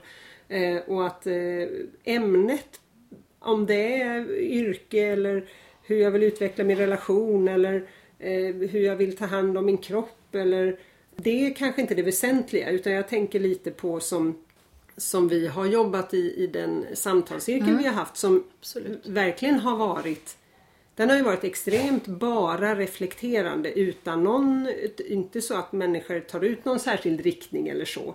Men från det till att man kanske var och en tar ut sina riktningar eller det är det här ämnet och sen hjälps man åt att prata om det. Och sen kan man ju då komma vidare till det, det vi har ju lite flera olika sammanhang kan man säga där vi då är företagare och fokuserar främst på den sortens frågor eh, och, är stödstruktur åt varandra. Men där det ju också väldigt ofta kommer in saker som har med livet i övrigt att göra. Verkligen. För att det är en sån viktig del av att få det att funka. Så att man kan och jag tänker också att din kurs Maria är ju väldigt mycket en, en, en eh, vad ska man säga, en verktygslåda med väldigt eh, generella ver- verktyg där man stoppar in sin, sin frågeställning själv om man nu ens har en eller flera eller hur det nu är. Och, och där det går att eh, så att fundera på det lite. För det som kan hända är att man kanske snöar in på ett visst ämnesområde tror att det är det det handlar om. Ja men precis. Nej, det var, nu tog jag det exemplet för att jag Ja, kom in på ensamföretagare. absolut. Men, men absolut, Men- det är precis så jag tänker. Det, det är en av sakerna vi pratar om i kursen. Hur kan de här stödstrukturerna se ut? Allt ifrån en väldigt öppen samtalscirkel till exempel Mm. där jag kan bara få lufta och vädra. Och bara det att man börjar sätta ord på vad man tänker och känner tror jag är en jätteviktig grej. Mm. För där tänker jag att både de samtalscirklar som du och jag har lett tillsammans Mm. och att vi började blogga där när vi krisade i 40 och för 10 år sedan, vilket vi inte riktigt förstår hur det kan vara så länge sedan. Men allt det där har hjälpt mig enormt mycket att sätta ord på saker eh, i ett samtal, att sätta ord på saker i skrift. Har ju fått många av de där lösa tankarna och känslorna att liksom ta sig lite tydligare former. Och det har ju underlättat arbetet också väldigt mycket. När man överhuvudtaget börjar reflektera. Så att det, det tror jag ju är väldigt, Jag tänker att en, viktiga. en eh, sak som är viktig att skaffa sig också är viloplatser. Alltså att eh, så här, att om man börjar förändra sitt liv då är det lite grann som att ömsa skinn, tänker jag ibland. Att då blir man lite hudlös ett tag. Och då behöver man få vara någonstans där, där man får lov att vara trygg. Och samtidigt så är det också så att när man börjar förändra saker i sitt liv då kan det finnas människor i, sin, i ens omgivning som reagerar på det på olika sätt. Och det jag behöver inte alls vara... Jag menar i värsta fall så är det ju jante, alltså det här, vem tror du att du är och varför gör du på det där sättet och in i ledet igen. Men det behöver absolut inte vara det utan det kan också vara väldigt välmenande vänner och släktingar och sådär som liksom Jaha, håller du på med det där? Undrar hur det ska gå? Liksom. Och, och det kan också vara lite så här. Eh, men sluta fråga mig. Alltså sådär. Låt alltså mig få kan vara fred. Ja, för att när, särskilt när man är i de här perioderna man känner sig lite, man håller på att ömsa skinn och man känner sig lite hudlös så kanske då kanske man bara vill vara med med människor, eller inte bara, men då, då kanske man ibland vill det där var en hund som skakade på sig. Någon som undrar över ljuden. Eh, jo, men att hitta platser där du får vila. Där du inte behöver ha din, eh, eh, din skydds... Eh, din rustning Nej, på det. dig. Där du får lov att ta av dig din rustning och bara vara sådär hudlös som du är. Liksom. det. Eh, och det kan ju vara det kan ju vara bara att man liksom inviger sina goda vänner i att Mm. så här funkar jag just nu och då behöver jag bara få vara. Liksom. Jag vill inte behöva redovisa hur det går med det här nya som jag nu har startat vad det nu är. så. Jag vill bara, kan jag bara få vara min gamla vanliga jag här? Eller så. Det kan du liksom, eller Ja. också kan det vara tvärtom att så här, nej, men nu vill jag ha en samtalscirkel eller en mentor eller en coach. Där man liksom bara alltså, verkligen kan prata om den process jag är inne i. Just det. Där den får lov att finnas. Men att man behöver liksom både och på något vis. Och jag tänker på en sak där som inte, inte bara har med kompassnålsnavigerande att göra utan också det här med att man ibland inte vill ha lösningar på saker och ting. Känner ni igen er i det? verkligen. jag vill bara få vara ledsen, jag vill bara att du ska tycka synd om mig, jag vill få vältra mig i det här. Och så kommer någon och, ja men du, ja men om du gör så här och så här. Ja. Men det, för det taggar in lite i det där med att få ha de där Absolut. zonerna där man bara får vara, vad det nu är, superglad eller superledsen eller vad man nu känner. Men utan att det behöver liksom analyseras och göras någonting mer av än att vara. Ja, men där kommer man ju tillbaka till det som jag var inne på innan det här med att kommunicera sin kompass eller sådär. Och där är det ju också att tala om att man får ställa sig lite bredvid och som eh, jag tycker bland annat du Lisa ofta gör och lyfter fram möjligheten att göra. Att Just nu är det jag vill ha de här spelreglerna för det här samtalet eller för den här stunden tillsammans. Är det okej med dig? Bra och så eh, gör man det. Men där det, Be för det kan, ja, för Ja. det kan sällan den man träffar på veta. Nej, det. Eh, utan eh, att eh, man kan bidra väldigt mycket till att skapa det även i de, i de sammanhang där man kanske inte tror att det är möjligt för att man har aldrig gjort det förut. Man har aldrig satt ord på det på det sättet att det jag skulle behöva just nu är detta. Eh, och, och då är, kan det visa sig att de mest som man kanske uppfattat som ogina eller skeptiska eller så tänker att jaha men jag trodde att det var det här som var Ja, det, mitt bästa sätt att hjälpa dig. Precis. Men nu när du säger så här, vad skönt, då slipper jag sitta och komma på en massa lösningar. Det. För det är ju också ofta det att det är krav på, Ja. man känner ett krav på sig att komma med Absolut. lösningar. Precis. Ehm, så. Man kan befria dem från det. Ja. Nej men jag tänker också det här, alltså för det som ofta händer, till exempel om man startar eget, är ju att det finns människor i ens omgivning som säger jaha, går det? Jag undrar hur det ska gå. Ja. Och då så kan man trilla in i, eh, upplever jag då, om det är jag som har startat eget då, liksom, så kan man uppleva att, eller kan jag uppleva att jag, jag vill inte visa att det går dåligt Nej, för de det. människorna. Eh, för att jag vill, dels att jag inte, somliga kan det ju vara så jag vill inte ge dem vatten på sin kvarn. Jag vill inte att de ska kunna tänka, ja det var väl det jag tänkte, att det Mm. skulle bli jättelite pengar och liksom. Så därför. Utan det sköna är ju om man verkligen kan säga, ja men nu startade jag eget och nu går det jättebra och nu går det åt helskotta och nu är jag orolig och nu är jag hoppfull och nu liksom. Mm. Det finns plats för alla allt. de- ja. Mm. Just det. För det är ju så det är för de allra flesta. Ja, hela Att det går tiden. jättemycket upp och ner. Och om jag då känner att jag får lov att vara hela det och inte behöver liksom eh, eh, regissera mig. Eh, så. Det tänker jag är en stödstruktur som, som jag behöver, eh, ja, som har varit väldigt viktig för mig att skapa de rummen. Och då kan det ju vara så, just när det gäller till exempel egenföretagare, eh, så kan det vara så att man behöver prata med andra egenföretagare. För att det, Som det, är ja, som samma situation. Ja. Och det, beror, det, det kan ju gälla oavsett vad det är Ja. man testar för saker. Att hitta sak, människor som också är i det, som också vet vad det är. Och där tycker jag det finns ju lite ändå av en övertro i många sammanhang på att man behöver väldigt mycket experter till allt möjligt. Nu talar jag lite i, i, oegen sak eftersom vi, vi är experter på vissa saker och kan hjälpa till. Men det vi ofta bidrar med är ju då kanske inte innehållet nödvändigtvis utan att hitta former för ett samtal. Eh, och de, får man lite kläm på det så kan man ju använda det i, i, i många olika sammanhang. Och just det här att man hittar ett, ett respektfullt sätt att samtala om saker och ting. Och där det är vissa saker som man gör i traditionella samtal som man kanske inte gör på samma sätt eller man gör andra saker istället. Eh, då är det inte så ofta det behövs den där experten som ju också ibland kan få en att känna att ja, men nu måste jag ju visa att jag är duktig på det här och så. Utan att, att vi har så himla mycket att ge varandra egentligen. Jag tänker ofta på det när jag är i ett rum eller när jag tänker på mig och mina grannar. Liksom. Tänk om det skulle hända en, en, någon katastrof. Gud vad mycket kompetens vi har här. Vad mycket kompetens vi har i det här rummet just Ja, nu eller så. verkligen. Vi skulle kunna klara jättemånga olika saker. Och sen kan det ju vara jättebra med att fylla på med en expert då och då. Men eh, det är lite att värdera upp det vi alla har med Ja, oss. Det. Och så gäller det att inte låta det fastna i eh, kommunikationsmönster som inte gynnar det, Nej. tänker jag. Det. Men, Precis, och det finns, det finns smarta samtalsverktyg för Ja. att komma åt det. absolut. Ja, precis. Och de kan vi ha nytta av. Jag tänkte bara på som ett exempel på det här att våga vara sårbar och våga visa sina sidor. När vi hade en träff med ensamföretagargruppen på temat Mina misslyckanden eller något sånt där. Och det var så otroligt befriande att få sitta och höra hur, jaha, och du som jag tycker är så framgångsrik Ja. och så har du varit med om det här och det här. Och det var jättehäftigt Ja, tillfälle. så Och så pratade vi lite om också vad har vi lärt oss av det. Men det fanns liksom inget krav på att vi måste det. Utan det var bara ett forum där vi fick lov att Ja. öppna oss om det som vi kanske aldrig vågar prata med varandra om Visst. annars. Skönt. Det var jätteskönt.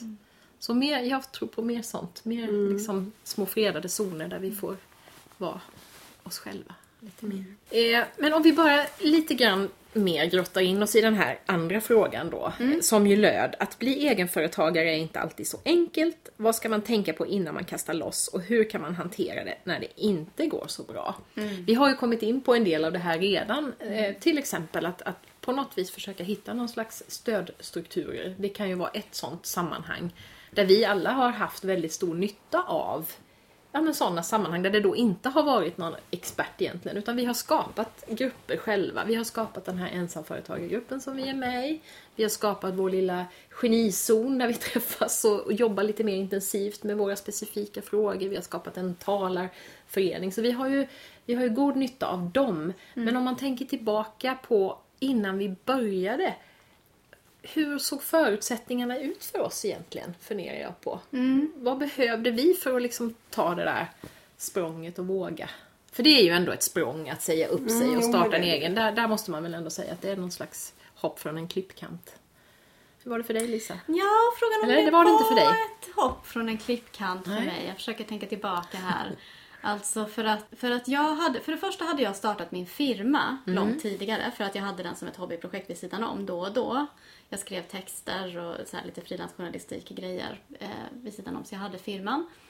Eh, vilket också för övrigt gjorde att när jag väl kastade loss, alltså när jag väl blev el- heltids egenföretagare så hade jag inte rätt till vissa stöd eftersom jag inte var nystartad. Nej. Eftersom jag redan hade startat min firma. Så det är ju en sån sak som man kan fundera, möjligen fundera... Jag vet inte om man går an, men så var det för mig i alla fall. Eh, men i övrigt så var det nog så att jag gick ner i tjänst och pluggade. Jag skrev färdigt min uppsats. Jag småjobbade lite på lite olika ställen och så, och så samtidigt så växte mig, sig mitt företag större och större. Liksom. Och sen, men, men jo, någonstans så var det väl när jag väl sådär bestämde mig för att nej, det, det är inte, jag ska inte söka någon ny tjänst liksom, utan det är faktiskt så att det här företaget ska få bli på heltid. Eh, och jag gick en, en utbildning, jag pluggade samtalsmetodik på Malmö högskola för att jag tyckte att det var superspännande med samtal, professionella samtal. Och så var det ju en bok där i kurslitteraturen som handlade om coaching och specifikt co-active coaching då, den skolan. Som jag bara, jag bara öppnade den boken och så bara, ja men här är det ju liksom, här är det jag vill göra i mitt liv. Så, den känslan. Och så då gick jag den, den utbildningen som är en privat amerikansk coachutbildning. Och sen har jag liksom byggt på och sådär. Och sen har det blivit så att, ja, jag startade företag tillsammans med några andra, ett handelsbolag. Sen la vi ner det och så startade jag företag med Therese Hagstedt som jag fortfarande samarbetar lite med. Så vi startade ett aktiebolag och sen efter tre år kom vi på nej men det är inte ett företag vi vill ha, det är varsitt. Så då köpte jag ut henne. Så att min resa har ju verkligen varit så här hit och dit och fram och tillbaka och bananskal och sånt liksom. Men om jag tänker tillbaka, om jag skulle ge mig själv några... eh, Jag vet inte om det går att ge sig själv några råd. Det är också så länge sedan nu så att jag var en annan person då. Men möjligen, alltså det man, det man ska veta, och det, det, jag tror att det är min viktigaste poäng här i det här poddavsnittet, att det är inte så att bara du kommer på vad du vill Nej. och kastar loss så går allting av sig självt. Alltså det finns ju den här Do what you love and the money will follow. Finns det en sån här, jag vet inte vem det är som har myntat det. Alltså gör det du älskar så kommer pengarna på köpet. Det är inte sant. Nej. Nej. Instämmer. Så är det. Utan eh, däremot så, och då är det där igen, det är mycket mer nyanserat än så. Jag tror ju att det går att tjäna pengar bättre kanske om du gör det du älskar. Eller i alla fall roligare så. och sådär. Så att det finns andra anledningar att göra det du älskar. Men, men det är inte så att det är the magic bullet och då bara funkar allting. Eh, därför skulle jag vilja säga att väljer man att kasta loss och starta företag då ska man dels vara medveten om att det är massa, massa trial and error. Man måste ha väldigt mycket tålamod, envishet. Testa, funkar inte. Testa igen, funkar inte heller. Testa igen, funkar det delvis. Testa det igen, funkar det men var skittråkigt. Vill göra något annat. Så är det Ja. snarare. Och om man kan skaffa ett, eh, nu kommer jag inte ihåg vem som myntade det begreppet heller, men grötkapital. Alltså inte startkapital nödvändigtvis, beroende på vilket slags företag man ska starta. Men ska man starta ett företag som våra, som, det vill säga som inte har, man måste inte köpa in dyra maskiner eller jättemycket material. Så det är inte så att man behöver mycket pengar i startkapital. Men man behöver ett grötkapital, det vill säga man behöver ha pengar så att man kan äta kanske ett halvår, kanske ett år innan man kan ta ut lön från sitt företag. Och det behöver man vara lite beredd på. Och samtidigt som jag säger det så inser jag att om jag hade vetat det, då hade jag aldrig startat. Nej.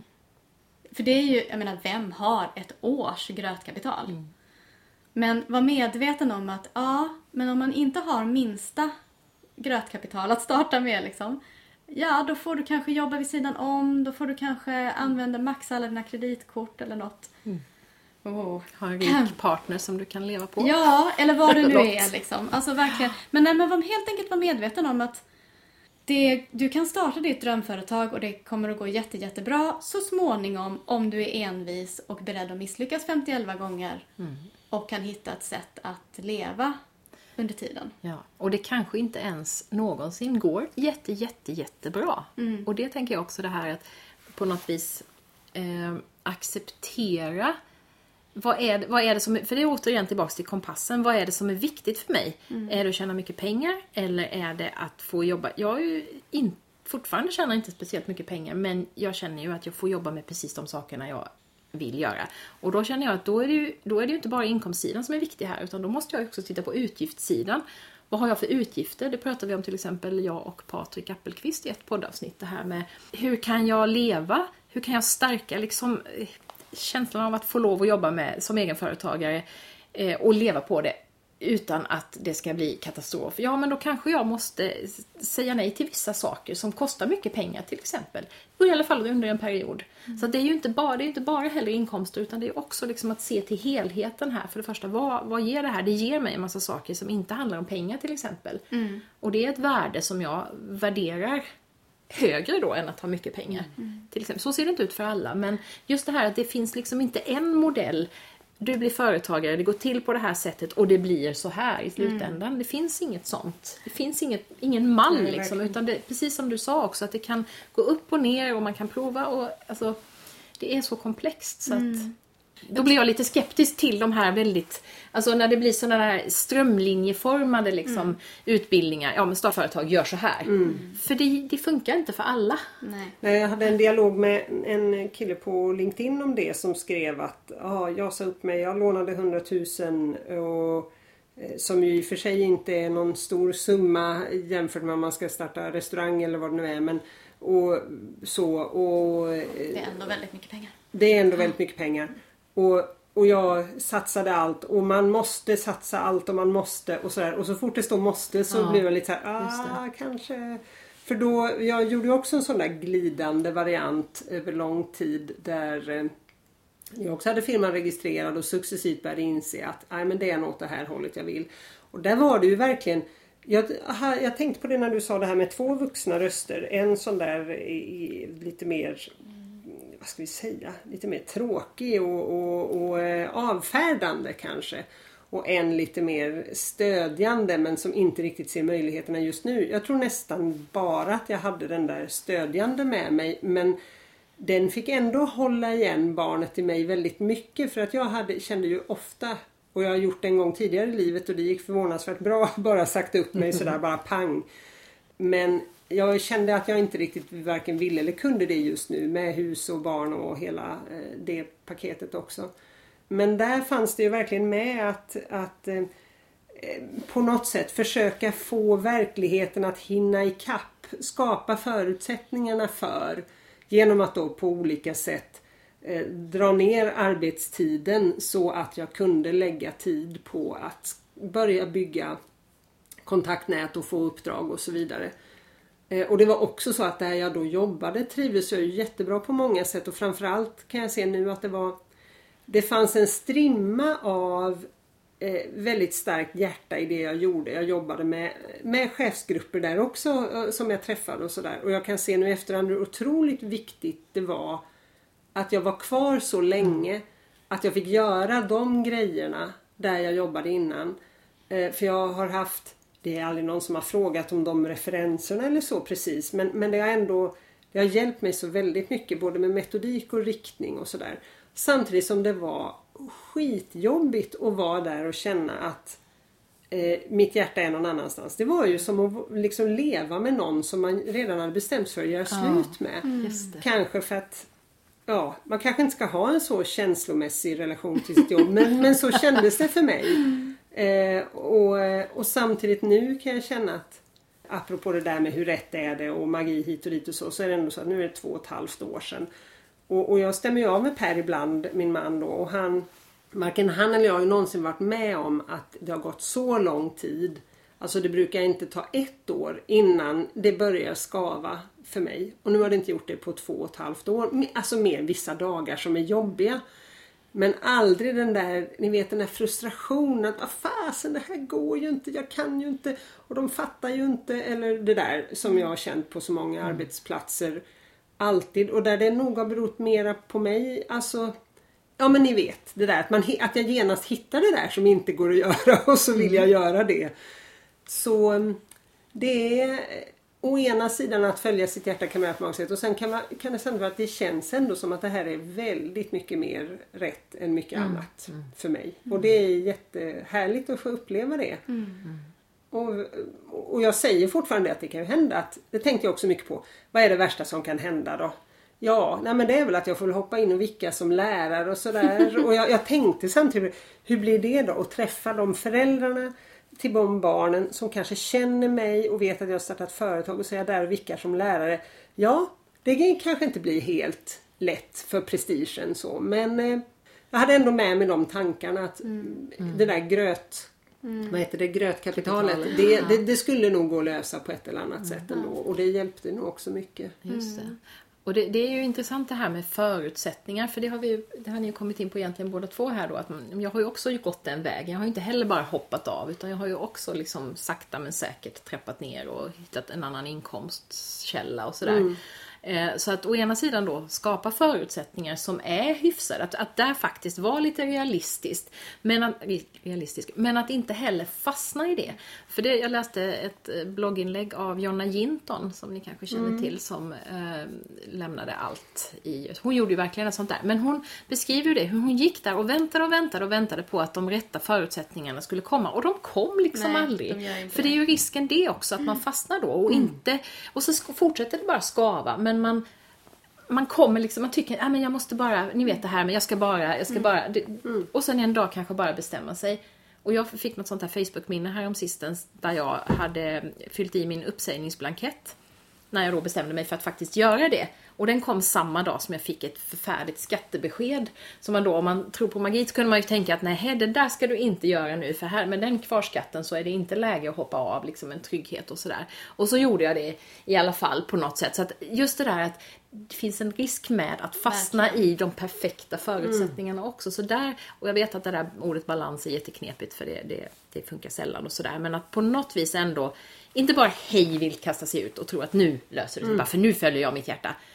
Men inte heller tänka att allting måste vara optimalt, ultimat innan jag vågar. Jag tänker också, det, jag tänkte två saker. Del- Dels så tänker jag också att, man, att det kan vara en sak som jag vill skicka med om man funderar på ska jag starta eget eller inte. Det är att testa sin idé utan att starta eget först. Eh, och också testa om, är det här ett företag eller är det en hobby? Ja, Och det kanske det måste ju det inte vara. är det, Nej, så. Och det kanske är okej till och med att så här, ja men jag kanske vill gå ner till halvtid och klara mig med den lönen. och göra den här grejen på fritiden som jag vet aldrig kommer att ge pengar och det är okej. Så att eh, också det, att liksom det. så här. Och sen tänker jag en annan sak och det är att känna sig själv. Det handlar ju också om att lyssna inåt och, och sin inre kompass och veta, är jag en person som går igång på deadline? Alltså som går igång på så här, om jag inte tjänar pengar nu så har jag inget att äta. Nej. Eh, alltså det vill säga drivs jag av liksom den typen av stress eller press eller liksom så. Eller är det tvärtom? Att liksom, om jag känner mig stressad och jag är orolig för hur det ska gå så blir jag blockerad så kan jag Ja. inte skapa någonting. Det. För det är faktiskt två ganska olika liksom, personlighetstyper eller vad jag ska säga. Mm. Och att det kan vara bra att veta är jag mest åt det ena hållet eller mest åt andra hållet? Därför att för vissa så är det verkligen så att du kommer inte att skapa några förutsättningar förrän det är skarpt läge. Nej. Och då kan det vara så att jag måste säga upp mig. Och så bara ja, simma torrsim eller bygga båten medan man seglar eller vad det nu är.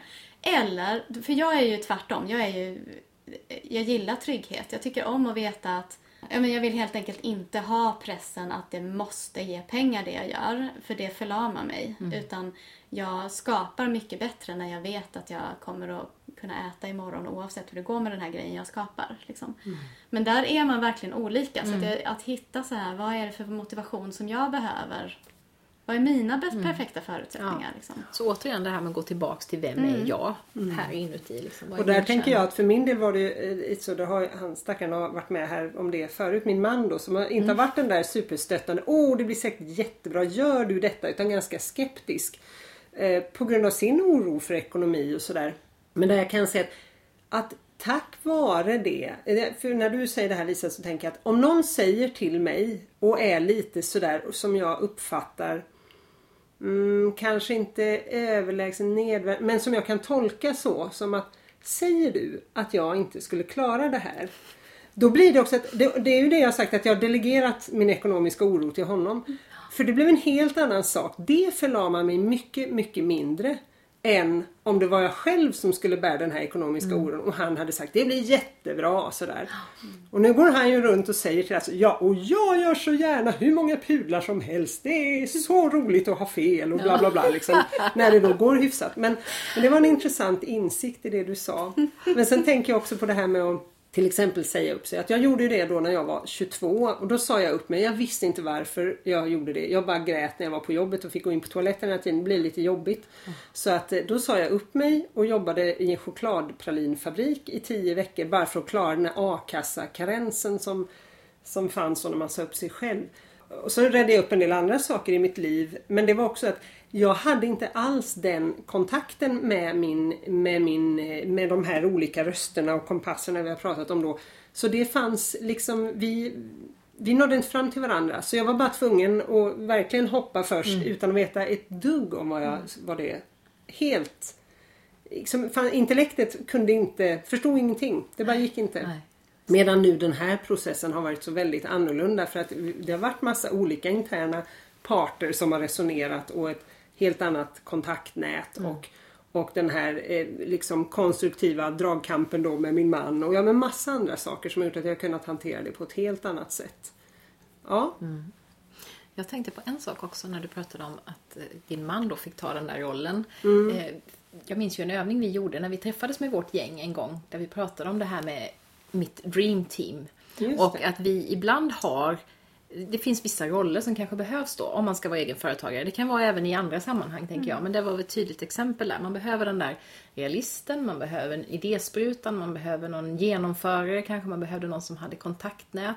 Och att ibland så tror man kanske att man måste besitta alla de där egenskaperna själv då. Man måste både vara den som är jättelogisk och ifrågasättande och den som, men att man kanske kan skapa dem människor, man kan hitta de människorna omkring sig också och få hjälp med, för det, det är ju en annan aspekt av företagandet att man i början särskilt måste vara allting själv på något sätt för man har inte råd att ta hjälp med ekonomi. Det var ju en jättelättnad för mig den dagen jag insåg att nej men jag kan faktiskt lämna ifrån mig min bokföring för det skapar så mycket ångest. Så att det, det, det ska jag inte göra. Jag kommer till min rätt på helt andra sätt. Men att så småningom liksom försöka fundera på det här. Men vad är det jag kan, är bra på, som jag eh, känner mig trygg med och vad behöver jag ta hjälp med på olika sätt. Och ibland kanske man måste ta liksom professionell hjälp som man betalar för. En coach, en bokför, redovisningskonsult eller vad det nu är. Ibland kanske det bara handlar om att försöka identifiera den typen av människor i sina nätverk eller i periferin av sina nätverk som i det den lilla gruppen vi ska träffa i eftermiddag Sara. Där vi inte ens kände varandra alla i den här gruppen utan det var en som, som såg, ja men hon och hon och hon skulle nog kunna göra någonting bra tillsammans. Och så blev vi ett sånt där litet dream team eh, under några år då när vi jobbade väldigt intensivt ihop. Och det kan ju se olika ut vad man har för förutsättningar för det. Men jag tror att man ibland tänker att oh, alla måste finnas liksom här. Att man kanske måste titta lite längre bort. Och det är ju det där läskiga också, att våga fråga Vill du leka med mig? Som vi har ja, pratat om. Men som kan bli så himla bra när man faktiskt vågar ställa den frågan. Och där tänker jag, att- för jag sitter och tänker lite på det här om den som lyssnar nu och som inte alls är företagare och sådär och att det är, eh, är vad är det i detta som kan, jag tror att det är ganska mycket som kan vara relevant ändå. Men det jag tror är en fördel man har som egenföretagare är att man blir liksom tvungen och man har verkligen, man är man måste väva sin egen väv av kontakter och så. Men att det går nog att, eh, det skulle vara intressant att tänka igenom allt det vi har pratat om och se hur skulle man kunna applicera det på en helt annan jobbsituation.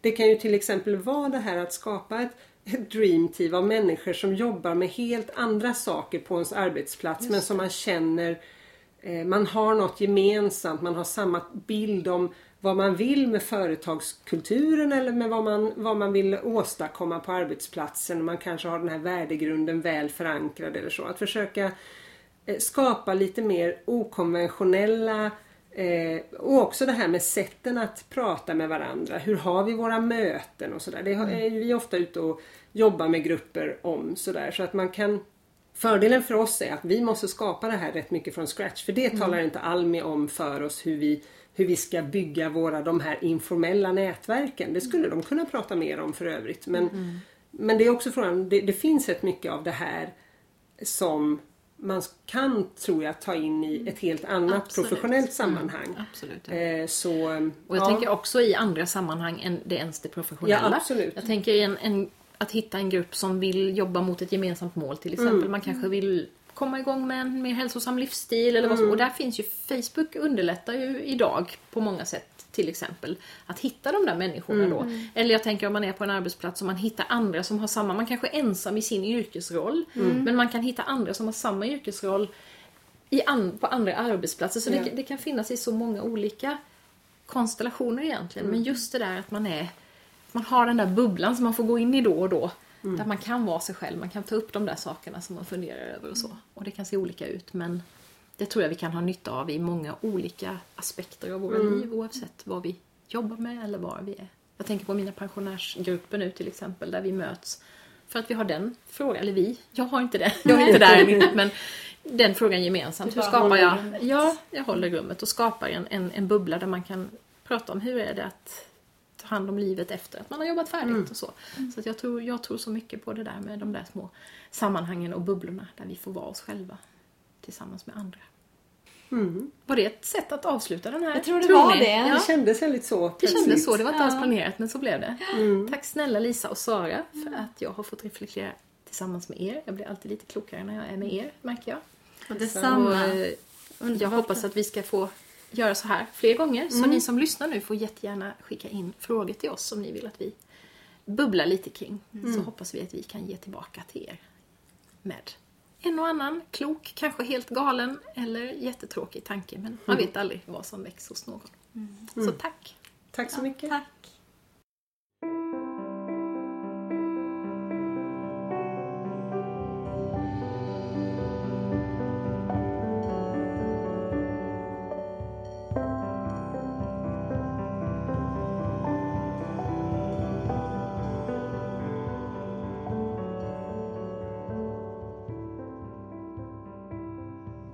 Ja, det här var alltså det allra första avsnittet av typen Poddklanen reflekterar. Och jag hoppas att du fick ut något av det som lyssnare. Det fick i alla fall vi som reflekterade ihop utifrån era frågor. Förutom att hela det här avsnittet var annorlunda än vanligt så har jag också några andra nyheter att berätta om. Häromdagen var det exakt tre år sedan jag la ut mitt första poddavsnitt. Och jag är så himla glad att jag startade podden.